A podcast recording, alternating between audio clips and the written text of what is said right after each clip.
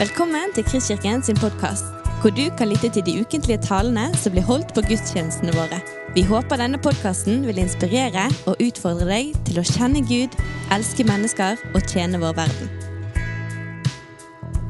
Det er alltid, alltid så godt å, å være i Kristkirken. Det er bra.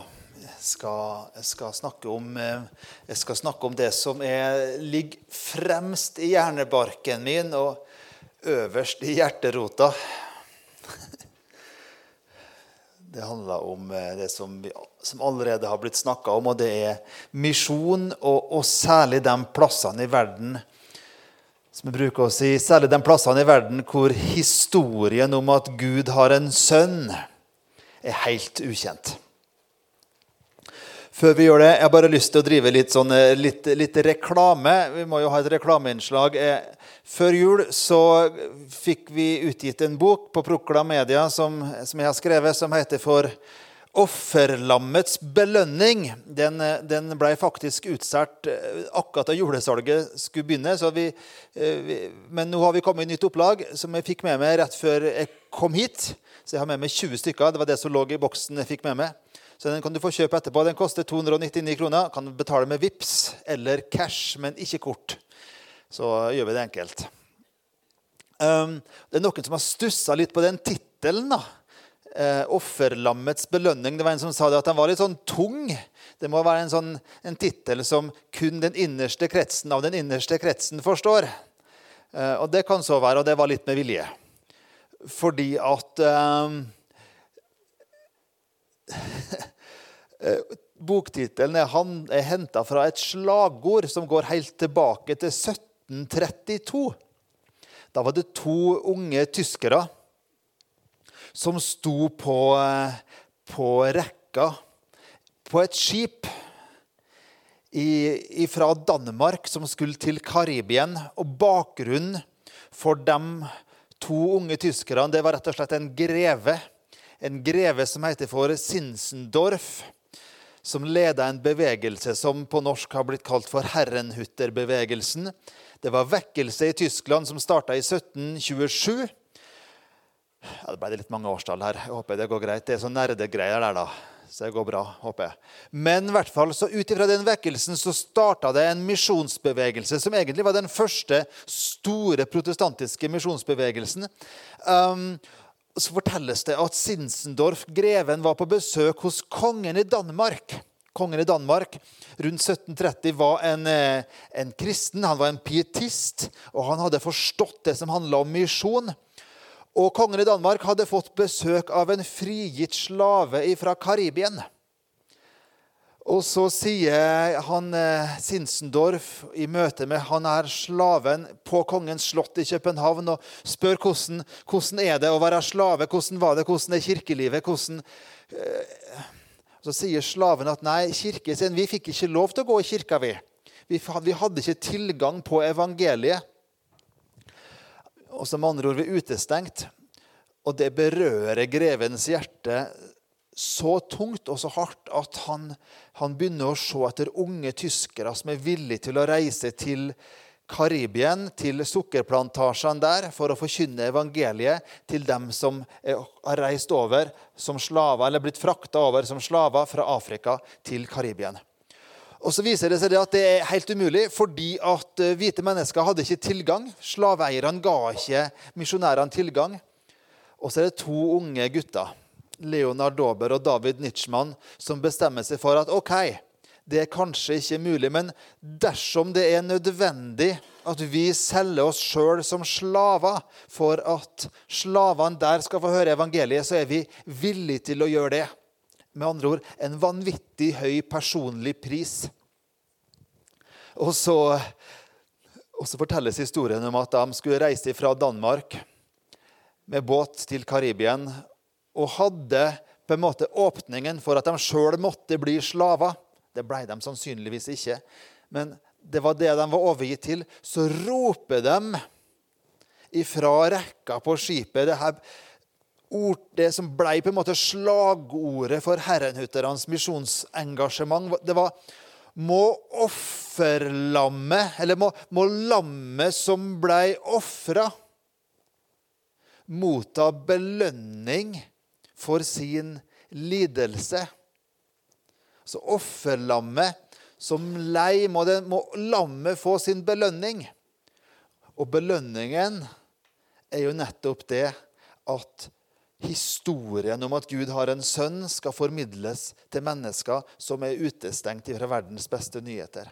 Det er belønningen. Og så I den boka så, så, forteller mange sånne historier eh, som går langt tilbake i tid, og så prøver å trekke noen linjer. For når jeg ser litt inn i framtida, så tror jeg, jeg er overbevist om at Norge igjen skal sende misjonærer til plasser i verden hvor historien om Jesus er ukjent. Jeg tror at det skal skje, og jeg er overbevist om at det skal skje. Og, og for at det skal skje, så må vi fortelle historien om hvorfor det trengs. Og så er det slik at Misjon har forandra seg voldsomt de siste 30 åra. Før så var misjon nok et vestlig fenomen. Det var noe den vestlige kirke gjorde. Fra USA, fra Europa, fra Australia, fra New Zealand, som sendte misjonærer til Afrika og Asia. I dag så er de, de største misjonssendelandene i dag er ikke den, fra den vestlige verden. Det er fra land som Brasil, fra Sør-Korea. Faktisk det landet i verden i dag som har flest utsendte misjonærer per antall kristne i sitt land.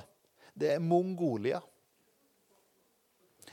I, eh, i, eh, i 1990 eh, da Mongolia, kommunismen falt i Mongolia, så var det snakk om at det var kanskje to eller tre eller kanskje fem kjente evangeliske kristne i hele landet Mongolia.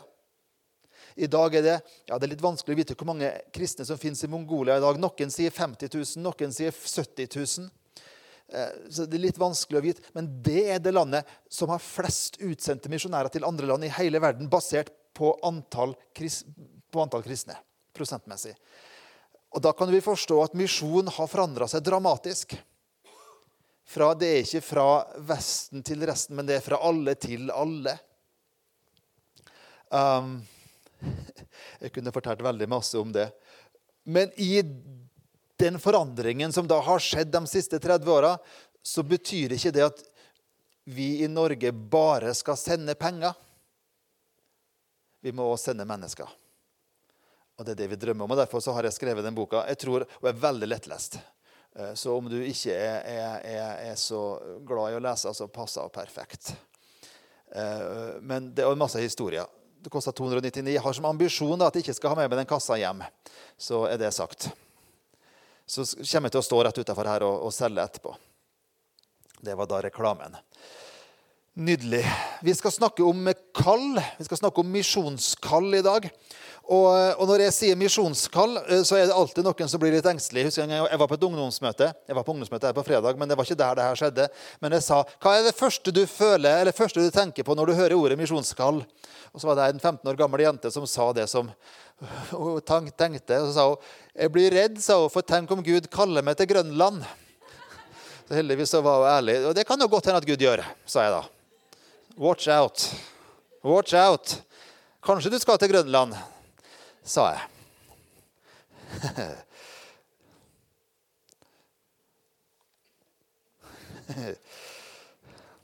ja, hvem veit. Når vi leser, når vi, hører, når vi bruker ordet misjonskall, så, um, så tenker vi som regel på ting vi gjør. Vi tenker som regel på hva er det vi skal gjøre for Gud. Faktisk når vi ser på, um, vi ser på ordet 'kall' gjennom Det nye testamentet. Det er et ord som er brukt veldig mange ganger, og det er brukt på ulike måter. Det er f.eks. brukt som om å rope høyt. 'Jeg kaller!' rope høyt. Men det kan òg bety å, å, gi noen et navn. Var det engelen sa til Maria. Du skal kalle ham Jesus. Men så kan det òg bety å, å gi noen en tittel. Jesus ga jo et nytt navn til Peter. Altså En tittel som indikerer hva du skal gjøre. Jesus ga jo et nytt navn til Peter. Altså, du, du, er Simon, men jeg kaller deg for Klippen.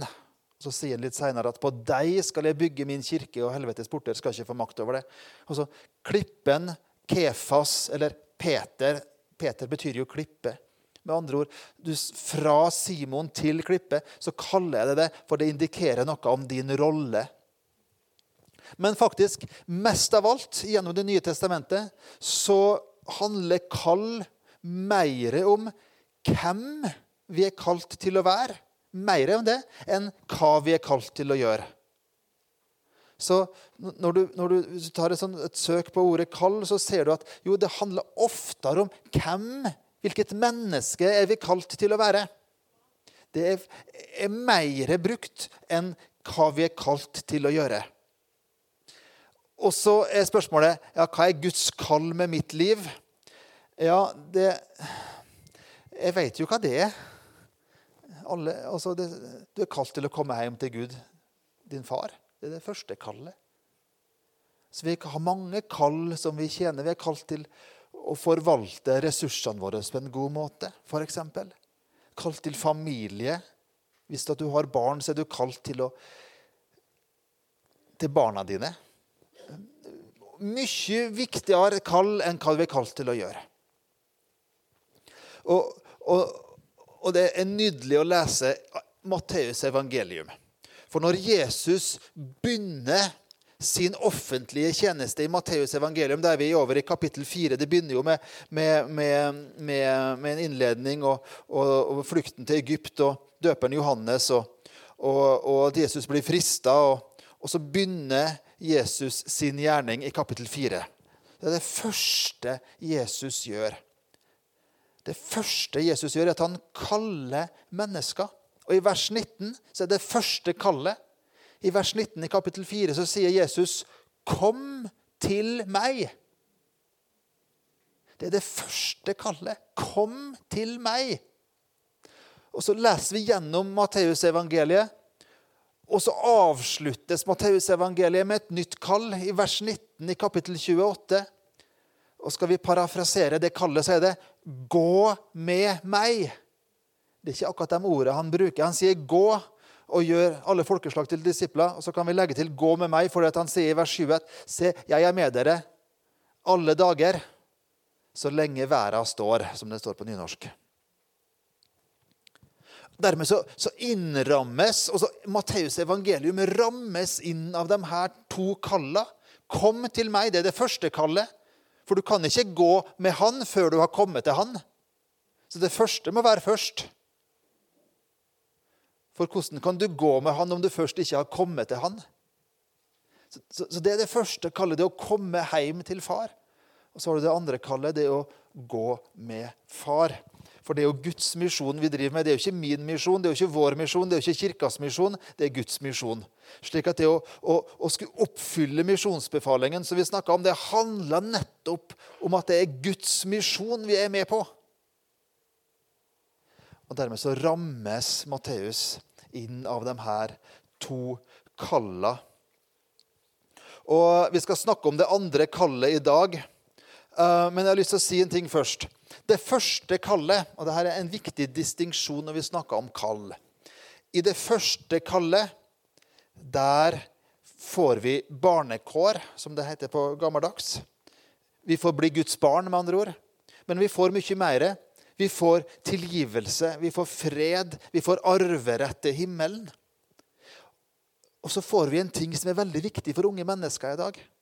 En ting som ikke er så viktig for dem som er på min alder og, og kanskje litt yngre og enda mye eldre. Vi får det vi kaller for identitet. I dag så er det store spørsmålet hvem er jeg? Når du møter unge mennesker, så ja, hvem er jeg? Og så må du finne det ut av sjøl, for du må finne din identitet. Du skal, du skal, være autentisk. Jeg har lyst til å si det at Den sekulære tankegang er veldig dårlige nyheter. Sekularismen er veldig dårlige nyheter for unge mennesker. Fordi at i den sekulære tankegangen så må du sjøl definere hvem du er. Til og med så må du finne ut om du er gutt eller jente. Det er veldig dårlige nyheter. Og det er jammen ikke rart at de som er 19 år, sliter med store psykiske problemer mer enn for ti år siden. For at du, du har en voldsom byrde. Tenk, byrde du skal finne ut hvem du sjøl er. Jeg er så glad at jeg slapp å finne ut hvem jeg er. Jeg har sluppet unna det. Fordi at det er ikke jeg som definerer meg sjøl. Til en viss grad. Altså, det er Jesus som definerer meg som sin bror.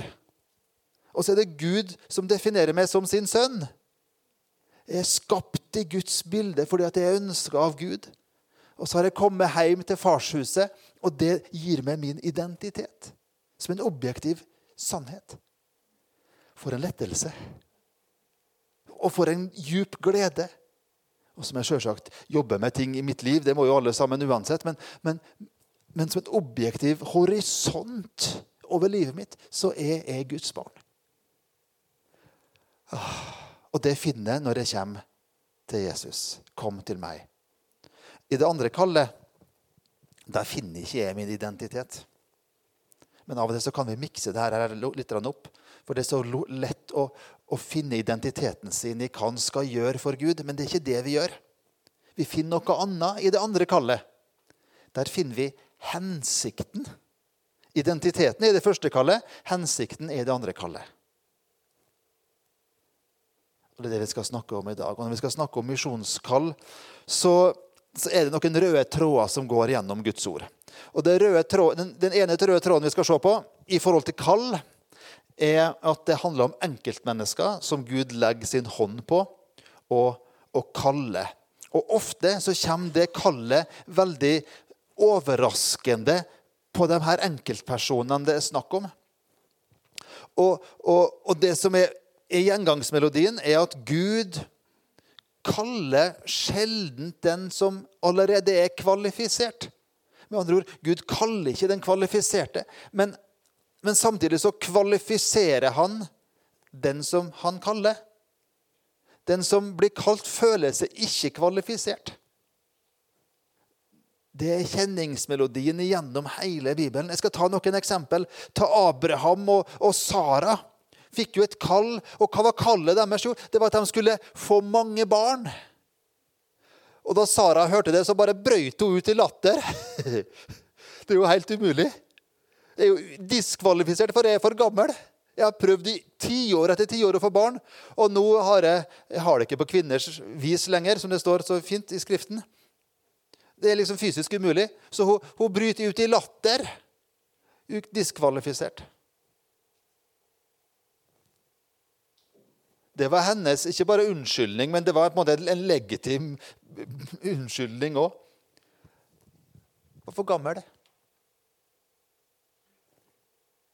Og så veit vi hva som skjer. At jo, det blei en sønn. Ta Moses, da, for eksempel. Moses som hadde vært 40 år som prins av Egypt. Altså, da er vi i altså, 40 år, prins av Egypt. Verdens definitivt store hersker. Der var han kongssønn. 40 år. Og så skjedde noe. Han drap en mann, og så var det nye 40 år i ørkenen. Hvis vi skal sette en overskrift over hans første 40 år, så må det være liksom at 'ja, jeg kan', og så var det nye 40 år i ørkenen. Og da var det motsatt overskrift 'jeg kan ikke'. Og da han var 80, så kom Gud i en brennende busk. Gud møtte han, og så sier Gud, 'Gå og ta folket mitt ut av Egypt.' Da er vi i 2. Mosebok kapittel 3. Og Moses så har masse unnskyldninger for at han føler seg diskvalifisert. For det første, ja, men hvem er jeg? Ingen som vil tro på meg. Ja, hvordan, og Så blir Gud litt harm, og så er det en ny unnskyldning. Ja, men hvordan kan en vite at du har sendt meg? Og så blir Gud enda mer harm, og så ny unnskyldning. Ja, men jeg kan jo ikke snakke for dette stammer sånn. Og Da blir Gud virkelig harm. Så sier han ja, men nå må du slutte opp med alle unnskyldningene. sier Gud. Jeg har allerede snakka med bror din. Han kommer. Han var 82 eller 83. Det var de to gamle karene. sant ja? Han er allerede på vei. Aron er på vei. Han skal, han skal snakke for det. For du er ikke så flink å snakke. Det er helt i orden. Men Aron skal, skal fikse biffen. Så det skal ordne seg. Og så kvalifiserte Gud Moses på samme måte som han kvalifiserte Abraham og Sara. Eller ta, ta Jeremia, da. Vi snakka liksom om unge mennesker og legger byrder på unge mennesker og kall. Så Gud legger en byrde som er umenneskelig, på Jeremia. I, i, i, første kapittel i Jeremia, så, så får, får, Gud sier til Jeremia at før altså, Jeg forma det altså, I mors liv så så jeg det. Jeg kalte Ja, til hva da? Jo, til en global profet. Hallo! Tenk å få være tenåring og få et sånt kall. da. Du skal være en, jeg så det i mors liv. Jeg, jeg kaller det til å bli en global profet.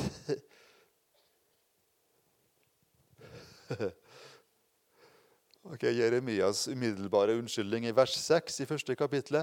Å, ja, men jeg er jo så ung. Sara var for gammel, Jeremia var for ung. Moses han stamma og var redd og dårlig selvtillit. Jeremia var for ung. Så sier Gud, 'Men si ikke at du er ung, da.' Du skal, du skal gå til dem jeg sender deg, og så skal du si det som jeg forteller deg. Du skal rykke opp og rive ned og plante, og så skal du bygge. Og så går Jeremia. Felles for Abraham og Sara og felles for og Moses og, og Jeremia, er at Gud åpenbarer veldig lite av hva som skal skje. Han kaller dem. Han visste, Abraham visste ikke at han ble bedt om å ofre Isak. Han visste ikke at Gud skulle se et nytt offer ut.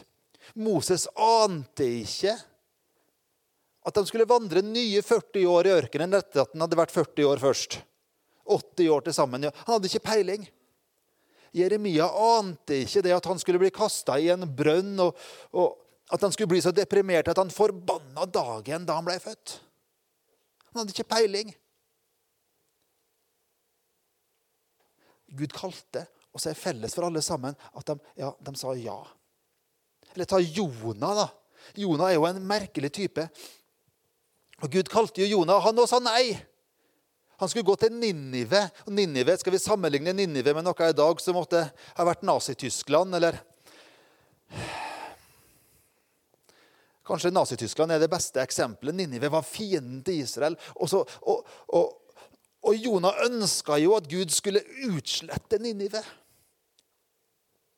Så når Gud kaller Jonah til å gå til Ninive med evangeliet, så sier Jonah nei! Jeg vil at du skal, du skal brenne dem istedenfor. For jeg vet at hvis jeg drar til Ninive, og de mot formodning omvender seg, så kommer du til å spare dem. Jeg vil ikke at du skal spare dem, jeg vil at du skal drepe dem.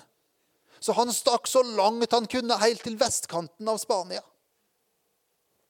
Så langt unna Ninive som det var mulig å komme. For han ville ikke gå til Ninive. Det var hans unnskyldning. Og når han for andre gang blir kalt da, i, i, i, i fiskens buk så drar han til Nineve, så har han bare én setning å si. Omvend dere.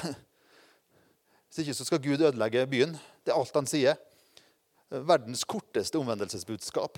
Så det er sannsynligvis at Han ville jo ikke at de skulle omvende seg. Så han hadde jo så kort budskap. Og så skjedde jo det at Guds ånd kom, og alle omvendte seg. Til og med dyra ble pålagt faste. Så det er liksom Hallo! Til og med dyra omvendte seg og måtte faste. Det gikk, det gikk dypt, altså. Og så blir jo Jonah rasende på Gud etterpå. Jeg hadde så lyst til at du skulle drepe dem, for det er jo fienden vår. Så det var Jonas sin unnskyldning. Han hadde ikke et hjerte som helt forsto hva Guds vei var. Så Det var liksom mange forskjellige ting. Peter, da, i Lukas kapittel 5, han hadde også unnskyldninger. vet du. Det var jo begynnelsen av Jesus sin, sin, virksomhet. Og Det er masse folk der, og Peter er fisker og har vært ute og fiska hele natta og ikke fått noe som helst. Det er interessant ja, det står to ganger at Peter fiska først i, Lukas 5, i begynnelsen. Fikk ingenting. og Så er det en situasjon tre år seinere, i Johannes 21. Da fikk han heller ingenting, så det var en dårlig business. Eh, så kanskje derfor han sa ja til å følge Jesus. Jeg vet ikke. Eh, dårlig business å følge Jesus òg, for så vidt, økonomisk sett.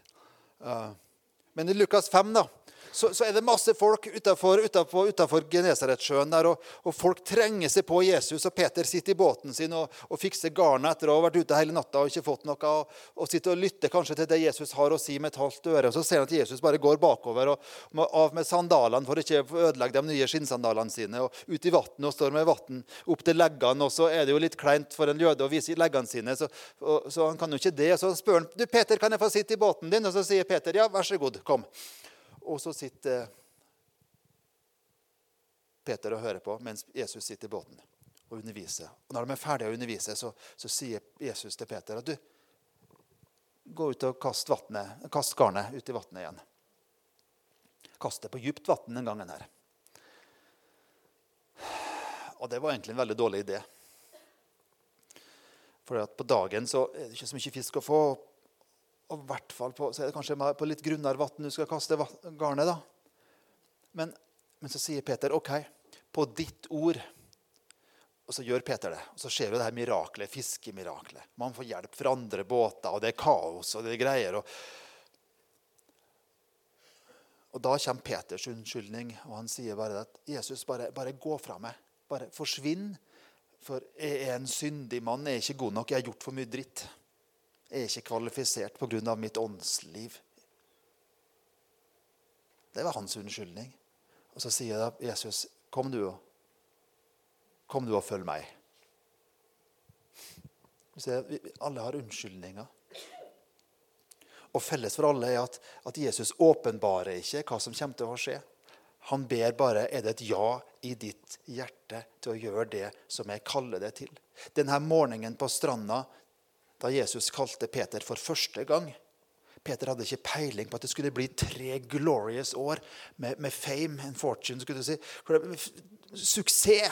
De skulle være liksom det store samtaleevnet, ikke bare i Israel, men på den andre sida av Genesaretsjøen.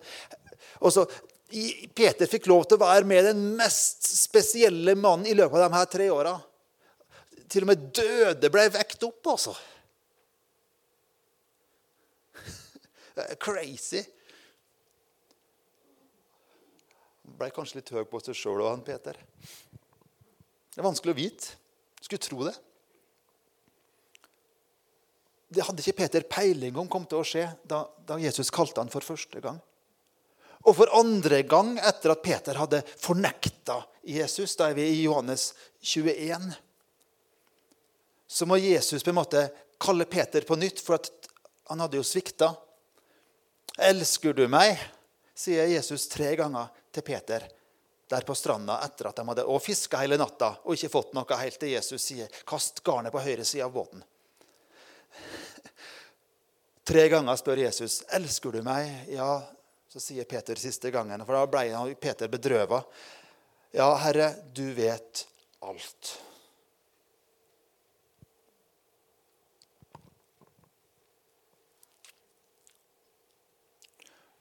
Og så kaller Jesus Peter igjen. Da du var ung, så bandt du sjøl opp om det. og Du gikk dit du ville, sier Jesus. Men når du blir gammel, så skal noen andre binde opp om det, og så skal han føre deg dit du ikke vil. Så indikerer Jesus hva som skal skje med Peter. Men Peter aner jo ikke det at 33 år seinere skal han lide martyrdøden under keiser Nero i Roma. Han aner ikke at han sjøl skal bli korsfesta opp ned. Så Jesus, når han kaller, så åpenbarer han veldig lite av hva som skal skje. Egentlig så sier Jesus, er det et ja i ditt hjerte til å følge etter og gjøre det som jeg kaller det til. Og Jeg tenker tilbake på mitt liv. Hadde, hadde jeg visst hva som for Jeg opplevde jeg fikk et sånn radikalt misjonskall da jeg var 17 15. Hadde jeg visst hva som kom til å skje med sykdom og med, med mange forskjellige ting og, og, og utfordringer og, og, vært ganske trøblete opp gjennom åra. Vært masse fint òg, men vært begge deler. Sorgen og gleden de vandrer jo som kjent til hope. Men jeg hadde ikke peiling. Men det var et ja allikevel. Det var det jeg opplevde Gud sa. Er det et ja i ditt hjerte? Og jeg sa ja da jeg var 17. Hvor som helst, når som helst. Til hva som helst. Og det er det ja-et som vi er ute etter. Vi skal avslutte med å, å se på Jesaja kapittel 6. en av de mest kjente kallshistoriene i Bibelen. Og Da leser vi fra vers 1. Du kan finne fram Bibelen hvis du vil. I det vers 1 i kapittel 6 er Jesaja. I det året da kong Ussia døde, så jeg Herren sitte på en høy og opphøyd trone. Og kanten på kappen hans fylte tempelet. Interessant detalj. Kun kappen som fyller tempelet. Med andre ord, Gud er mye større enn tempelet. Serafer sto overfor ham. Hver av dem hadde seks vinger, med to dekket i ansiktet, med to dekket i føttene, og med to fløy de, og de ropte til hverandre, Hellig, hellig, hellig er Herren Sebaot. Hele jorden er full av Hans herlighet. Det må ha vært et sånt sjokk. Science fiction-opplevelse med sånne himmelske vesener med seks vinger. Så står det i vers, 3, nei, vers 4.: Røsten som ropte, fikk boltene i dørtersklene til å riste, og, og huset ble fylt av røyk. Og Da kommer Jesaja med den helt naturlige reaksjonen, for han sier, Ved meg! Det er ute med meg! Altså med andre ord, nå, nå, nå er livet mitt over. Nå dør jeg. Det, det er en reaksjon i møte med Guds, Guds hellighet og Guds herlighet. Nå er det over. Hvorfor tror han det? Jo, for jeg er en mann med urene lepper. Og, og, enda verre, jeg bor blant et folk med urene lepper. Og mine øyne har sett kongen, Herren over herskarene. Det var Jesaja sin unnskyldning.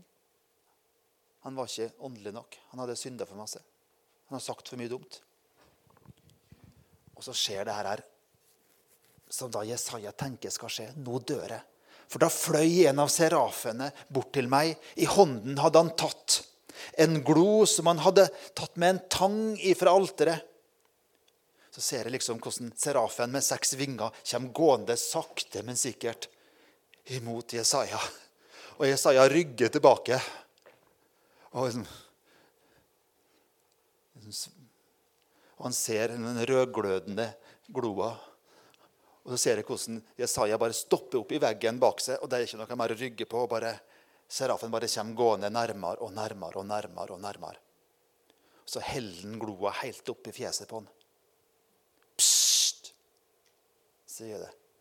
Så får Jesaja et merke på munnen sin som skal følge han resten av livet. Og hver gang han ser seg sjøl i speilet, så ser han den dagen han ble merka av Gud for livet. Det var den dagen han trodde han skulle dø.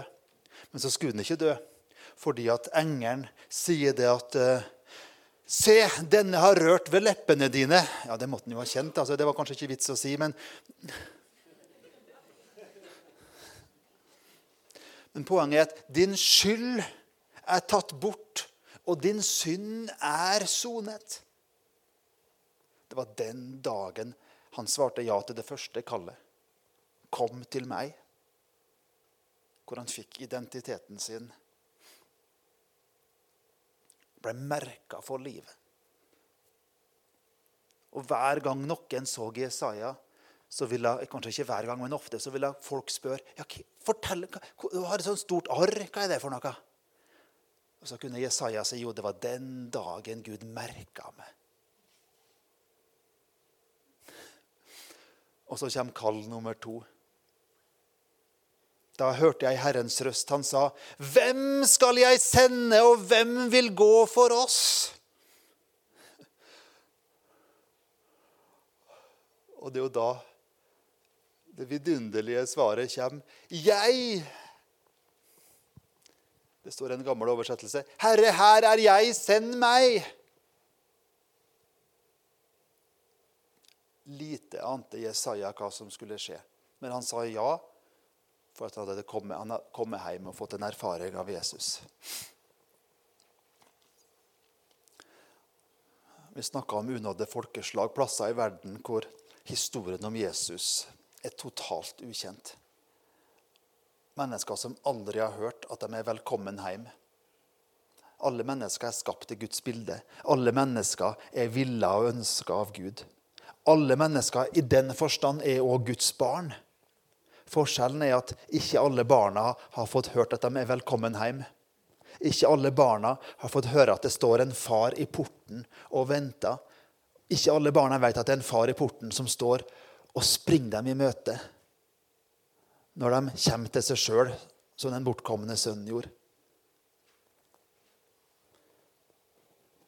Kallet som kommer i Matteus 28, er gå og gjør alle folkeslag til disipler så tror jeg det at Gud kaller enkeltpersoner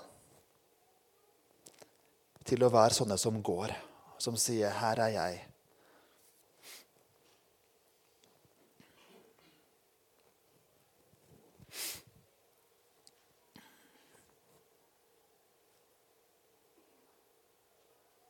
Vi ber nå, kjære Herre Jesus.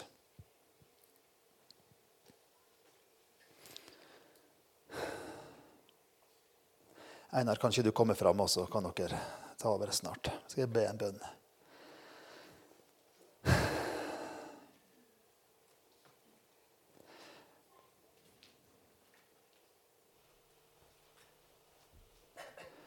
Jesus, jeg ber om at du skal, skal kalle oss. Du har kalt oss til å komme hjem, men jeg ber om at du skal kalle oss til å, til å gå med det òg. Og noen av oss er kalt til å gå til plasser i verden hvor mennesker ikke vet at du har dødd på korset. At du har sona all verdens synd. At verden kan bli forsona med det. Så Jeg ber om at du skal kalle mennesker nå. Jeg ber om at du skal drive arbeidere ut fra Bergen. Jeg har lyst til å be for Bergen. At Bergen igjen skal bli kjent som en misjonssendeby. Jeg har lyst til å be Jesus om at de gamle brønnene i Bergen skal graves opp igjen. At misjon ikke skal bare være historien om misjon ikke bare er historien om fortida, men det skal òg være en historie om framtida. Så jeg har lyst til å be om det for Bergen, at Bergen skal bli kjent som den byen som sender ut mange misjonærer. Og særlig til de plassene i verden hvor din historie er ukjent, Jesus. Jeg har lyst til å be for Bergen, jeg har lyst til å be over Bergen at fra denne byen, fra dette stedet, så skal du drive arbeidere ut til din høst, for den er stor, og den er moden. Så kom, Hellige Ånd. Kom, Hellige Ånd, vi ber. Så ber jeg om at du skal kalle enkeltmennesker, også dem som er diskvalifisert og føler seg diskvalifisert, for du kvalifiserer. Så ber jeg om at ditt kall skal bli sterkere enn unnskyldningene. Om man er for gammel eller for ung eller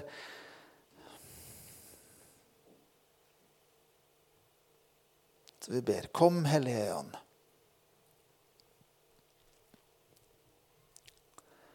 Kom, Hellige Ånd.